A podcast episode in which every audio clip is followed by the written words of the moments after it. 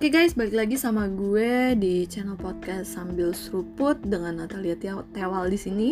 Ya, semoga kalian gak bosan ya. Ya, uh, kali ini gue uh, mau ngebahas yang mungkin berkaitan dengan judul yang gue udah kasih, uh, mental health dengan sosial media. Ya, uh, mungkin kita tahu dan kita sadari kalau misalkan hidup di uh, era teknologi yang super duper wah ini uh, banyak banyak uh, orang-orang akhirnya menjadi uh, internet user atau pengguna internet. Dan juga uh, dengan berkembangnya internet banyak lembaga-lembaga atau uh, ya komunitas-komunitas yang membuat aplikasi-aplikasi uh, yang mendukung untuk uh, apa da, yang mendukung untuk digunakan oleh masyarakat luas ya, ya sebagai uh, ya konsumsi bagi masyarakat lah untuk menunjang dalam relasinya. Nah, uh, gue di sini mau bahas beberapa hal yang berkaitan dengan sosmed and mental health. Nah, pertama gue mau bahas nih uh, tentang pengguna media sosial itu sendiri. Uh, pada dasarnya pengguna media sosial itu terbagi atas lima ya lima user gitu lah ya lima user medsos medsos user ah, apalah ya yang pertama yang paling pertama itu unplug user. Nah itu uh, di mana uh, pengguna jarang atau hampir nggak pernah pakai sosmed. Nah ini bukan berarti dia uh, benar-benar nggak pernah pakai uh, teknologi ya. Mungkin uh, uh, sangat-sangat jarang lah, jarang untuk pakai media sosial. Lalu kedua, diffuse and doubler, diffuse doublers and concentrate doubler, da, dabblers. Ya, itu adalah uh, mungkin diffuse uh, Dabblers itu uh, orang yang gunain banyak platform sosial media. Contohnya dia menggunakan Facebook, IG, Twitter, uh, YouTube, hampir semuanya dia pakai. Dan concentrate itu uh, apa ya?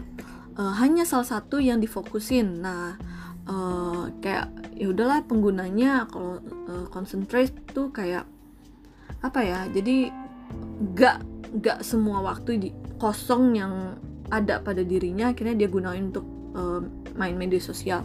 Namun uh, ya intensitasnya nggak terlalu tinggi kayak 50% lah dari uh, waktu kosongnya dia. Nah keempat adalah uh, eh, ke keempat. Yang selanjutnya ya adalah connected uh, user atau ya terhubung di mana uh, pengguna ini ya menurut gue sih udah cukup warning ya uh, karena menggunakan lebih pertama lebih dari satu media sosial dan juga yang mungkin hampir sama dengan uh, diffuse use dabblers tapi ini uh, intensitasnya tuh cukup tinggi dan uh, mereka sendiri merasa kalau gunain sosmed adalah satu kebutuhan atau kehidupan mereka. Jadi kalau ya selama mereka ada waktu kosong mereka harus konsumsi nih setiap hari. Makanya ada yang sampai nggak bisa lepas sama uh, media sosial atau nggak internet. Nah, and uh, yang terakhir, uh, the last one is uh, weird, pengguna media sosial yang sangat nggak bisa lepas dengan media sosial. Nah, ini sangat bahaya sih, bahkan nggak bisa skip. Kalau dia skip satu atau dua menit bahkan atau nggak ya minimal satu jam gitu, dia akan merasakan gelisah. Nah, salah satu uh, ciri-ciri khususnya itu problematik sos sosial media uh, use, di mana pengertiannya itu kayak individu atau orang itu sangat merasa ketergantungan sama sosmed. Akan gelisah, cemas dan mudah uh, apa ya dengan sosmed uh, sudah jadi eh, sudah menjadi lebih daripada kebutuhannya dia. Ya kebutuhan dasar kan sandang, pangan, papan gitu ya. Nah ini sudah more than his or her needs. Jadi um, kayak dia mulai isi kekosongan atau skipnya dia dengan menggunakan sosmed dari salah satu tempat untuk diakses. Uh, mungkin kayak uh, kesepian karena banyak pikiran cari kebahagiaan dari sosmed itu sendiri. Dan juga kayak nggak eh bener-bener nggak bisa lepas deh.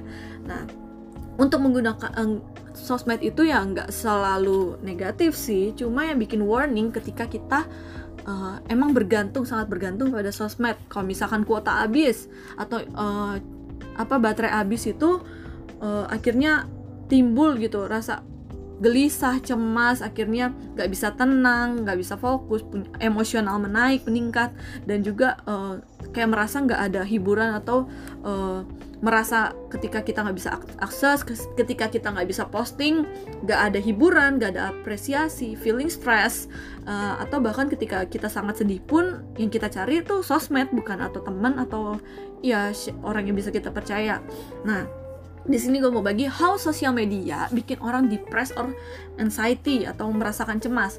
Nah, pertama itu karena adanya adanya uh, fear of missing out atau uh, apa ya FOMO yang bisa kalian ya, ini ya. Itu di mana ada perasaan takut nggak bisa update atau nggak bisa ngelihat postingan-postingan atau uh, ya updatean-updatean yang baru. Takut dengan ketinggalannya cerita-cerita dengan teman-teman ketika mereka lagi ngobrolin nih lagi ngumpul. Terus kalian kayak takut gitu untuk klik doang diem gitu. Nggak nggak bisa ngupdate hal-hal yang lagi booming. Lalu terus takut uh, perasaan gak diterima oleh teman-teman sekitar ketika kita ngobrolnya nggak nyambung karena kita nggak update internet. Nah That's why mereka akan cenderung lebih intens untuk mencari informasi dengan main Facebook, eh main Facebook, sorry, dengan main media sosial. Nah media sosial apa aja lah. Lalu kedua karena adanya idealis, uh, idealize mob, uh, apa body image atau enggak uh, beauty standard or handsome standard. Ya mungkin seperti itu. Nah, ketika orang uh, ya secara masyarakat luas stereotip ketika uh, standar dari orang cantik or ganteng adalah memiliki fisik yang baik. Fisik oke okay, fisik uh, looking good lah ya.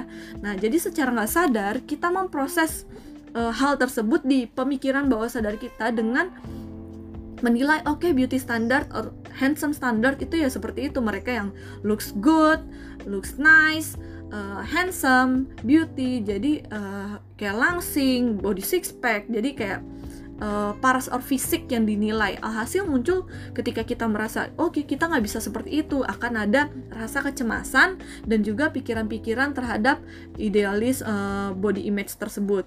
Lalu selanjutnya uh, dengan adanya uh, apa sih namanya social media addiction. Nah, atau ketergantungan media sosial. Nah, secara alami, biologis, ini nih mungkin uh, gue udah pernah beberapa kali bahas. Ketika kita nerima satu uh, penghargaan atau uh, uh, ya reward lah ya, uh, otak akan memproduksi hormon dopamin atau hormon bahagia gitu ya, hormon reward Nah, di mana hormon itu bikin kita menjadi rasa happy. Nah, ketika kita main media sosial, ketika kita dapat notif banyak kayak di FB, FB or IG, kita dapat like banyak, viewers banyak. Nah, komen positif pun banyak, kita merasa secara ya secara biologis uh, otak akan memproduksi hormon itu dan kita akan merasa happy. Nah, ketika hal itu terjadi, maka uh, apa ya? Outputnya ya udah gue merasa happy nih gue merasa dihargai dan I'm proud of myself dan mereka mungkin bangga punya uh, ketika melihat postingan uh, itu sendiri. Nah, ya siapa sih yang nggak seneng gitu lah ya kalau misalkan dapat post banyak, viewers banyak gitu ya kayak di YouTube juga viewers banyak. Uh, mungkin kayak di gue ini listeners banyak gitu tapi nggak gue nggak merasa itu lah ya tapi nggak tahu sih. Ya udah pokoknya yang penting gue ini ya sharing secara positif aja. Lalu uh, akhirnya ya balik lagi ya akhirnya otak akan cenderung proses hormon itu sehingga yang bikin dangerous atau bahaya ketika kita merasa hal tersebut akan menjadi suatu kecanduan. Akhirnya ketika kita uh, melihat banyak yang respon, banyak yang like, banyak yang komen, uh, suatu saat ketika kita posting picture or something like that postingan-postingan namun likes komen atau enggak ya apresiasi apresiasi itu dikit akhirnya muncul pertanyaan-pertanyaan dalam reaksi di otak yang menyebabkan muncul hormon lain ya kalau nggak salah hormon serotonin ya. Uh, itu hormon ketika uh, kita menjadi uh, hormon stres itu naik meningkat dan kita akhirnya uh, apa ya uh, bikin kita merasa cemas nggak pede karena para uh, dari parameter atau standar viewers like dan komen itu yang sedikit membuat kita jadi ngedown. Nah, basicnya secara uh, secara uh, mendasar manusia emang emang makhluk makhluk sosial sih dan butuh orang lain untuk support. Tapi jangan sampai karena media sosial akhirnya kita merasa banyaknya penolakan-penolakan atau rejected akibat standar like, comment, viewers and comment postingan kita itu sendiri.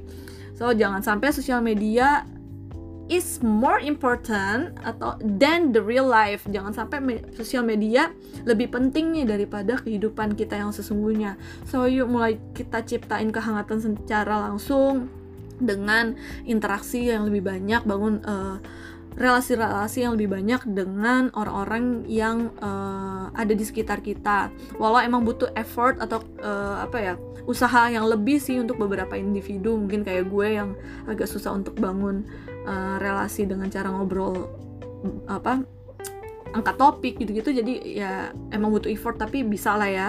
Nah yang terakhir at, uh, the last one is when social media becoming your stress coping mechanism. Atau ketika sosial media menjadi mekanisme atau cara kita dalam menghadapi stres ya atau disebut sebagai pelarian lah ya. Like ketika kita kita mau cari problem solving uh, how to ya gimana kita mau cari hmm, apa suatu penanganan dalam masalah yang kita hadapi dengan menggunakan sesmod, eh, sosmed itu sesmod kita cari hiburan cari refreshing dengan akses media sosial. Padahal bisa dengan hal lain uh, kayak apa ya ya kita bisa ngobrol dengan orang sekitar, keluarga, papa, mama, adik-adik gitu. So, we need to know the signs of social media addicted user. Ya, kita harus tahu gimana uh, eh kita harus tahu uh, ya tanda-tanda dari uh, pengguna sos media sosial yang uh, sangat edik.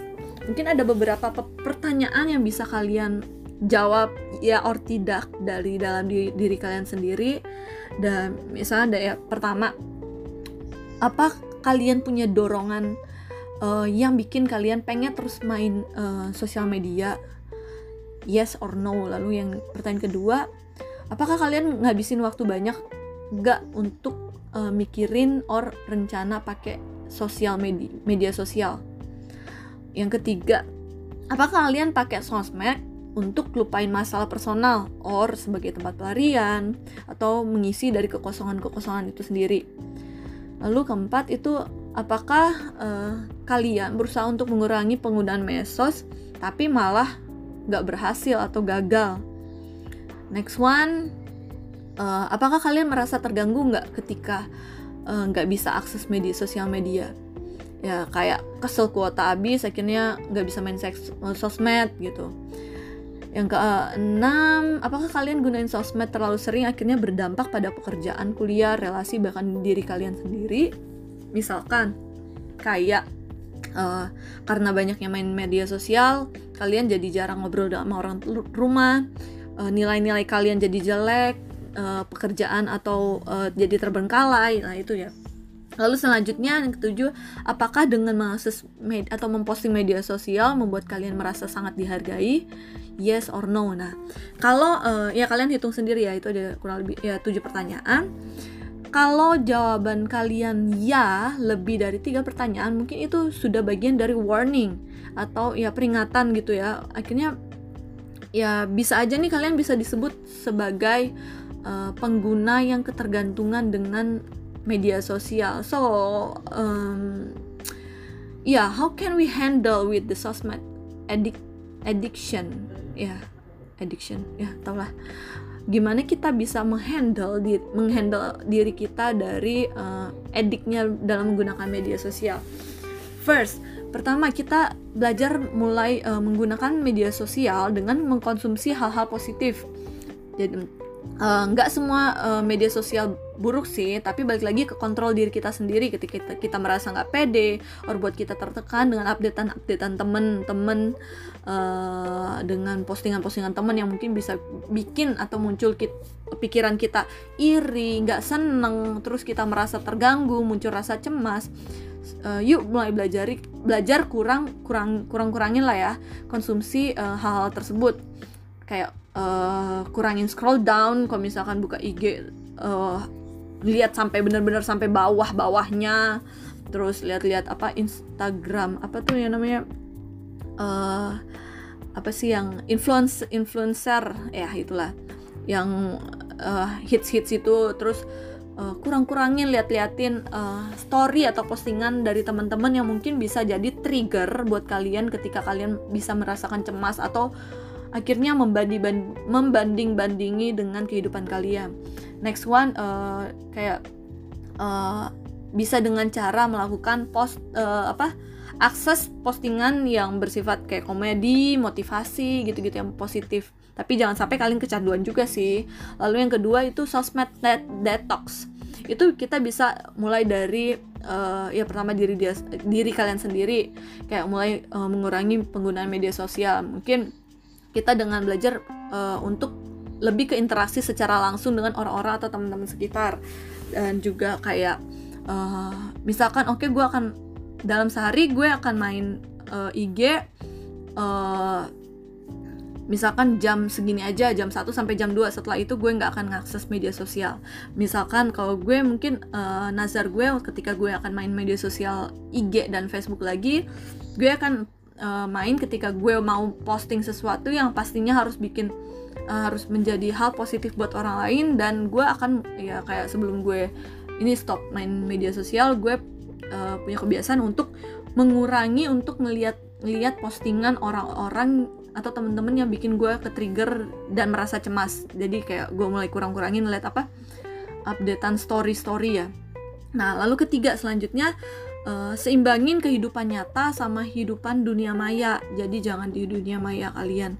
Uh, so lots of talking. Eh chit chat or whatever like that. Pokoknya di dunia nyata kalian rame gitu. Tapi kehidupan nyata kalian less interaction. Jadi kurang interaksi. Apalagi sama orang sekitar orang rumah gitu. Jangan sampai karena uh, mau ke apa minta tolong ambil minum aja kalian harus pakai media sosial gitu loh. Ya walaupun gue pernah satu dua kali karena mager nurun turun ya itu jangan dicontoh ya. Lalu uh, bikin uh, kehidupan maya dan nyata itu ya sama gitu. No fake no ya faking good gitu lah ya. Uh, but uh, let's back to our real life. Dan bisalah kita untuk mulai mengkontrol hidup kita. So intinya ya gimana how can we control ourselves our life from sosial media sosial. Jadi gimana kita bisa mengkontrol diri kita sendiri dalam mengakses media sosial itu sendiri. If it makes us anxiety curious insecure kalau misalkan itu buat kita insecure cemas dan ya merasa nggak aman ya let's start to control yourself. Ya and back to your real life gitu. Nggak nggak harus lo terus terusan mantengin sosial media. Ya walaupun gue sempet belajar ya uh, ya yeah, so that's all about social media user gitu. Gue pun pernah ya mungkin kalian pernah lihat ya di postingan podcast gue sebelumnya gue pernah berada di titik ngedown karena merasa sos uh, karena pengguna karena menggunakan sosmed. Karena ya, puji Tuhan ketika gue bisa menghandle diri gue walaupun gue masih sering posting-posting di apa ya gue sering posting di karena gue stop di IG Facebook gue posting ya main di uh, media sosial lain kayak di kalau WhatsApp kan ya pasti orang-orang tertentu atau keluarga-keluarga yang yang yang intinya yang lebih ya inner circle gitu. Kalau di Twitter mungkin karena sedikit ya gue juga bisa uh, cenderung lebih sering baca bukan ngeliat-ngeliat picture atau video-video yang bisa gue bikin trigger ke trigger untuk ngebanding-bandingin gitu. Ya jadi gue pindah dengan cara seperti itu sih. Jadi puji Tuhan gue bisa handle hampir satu, satu tahun atau satu tahunnya ya pokoknya udah dari tahun lalu udah hampir satu tahun gue nggak pakai belum pakai IG Facebook lagi. Jadi kayak gue mulai uh, sosial media detox. So hope this sharing berfaedah ya buat kalian semua. Uh, belajar kontrol diri lah ya buat uh, kalian yang mungkin merasa kecanduan media sosial. Karena ya ya gue sendiri juga masih dalam proses pembelajaran untuk kontrol diri gue dalam uh, mengurangi menggunakan media sosial dan mungkin dalam waktu dekat ini gue akan uh, mulai menggunakan IG dan Facebook lagi karena ya sesuai dengan sharing awal gue emang suka untuk koleksi eh, foto-foto gitu ya. Dan gue juga mau ya mau balik lagi untuk uh, menggunakan media sosial dengan batasan batasan-batasan yang gue buat sendiri supaya gue nggak insecure gue nggak uh, apa ya nggak bikin orang lain jadi negative thinking atau apa pun lah itu atau nilai-nilai secara negatif. Dan ya semoga orang lain juga nggak ya balik lagi karena uh, postingan-postingan gue yang mungkin gue ngeliat it's me I'm happy I'm a happier gitu. Gue ya seneng gitu tapi akhirnya malah membuat orang lain iri gitu terhadap kehidupan gue ya. Pokoknya ya seperti itulah ya so buat kalian uh, thank you for listening. Enjoy your life and ya yeah, see you see you in the uh, next podcast. And God bless. Bye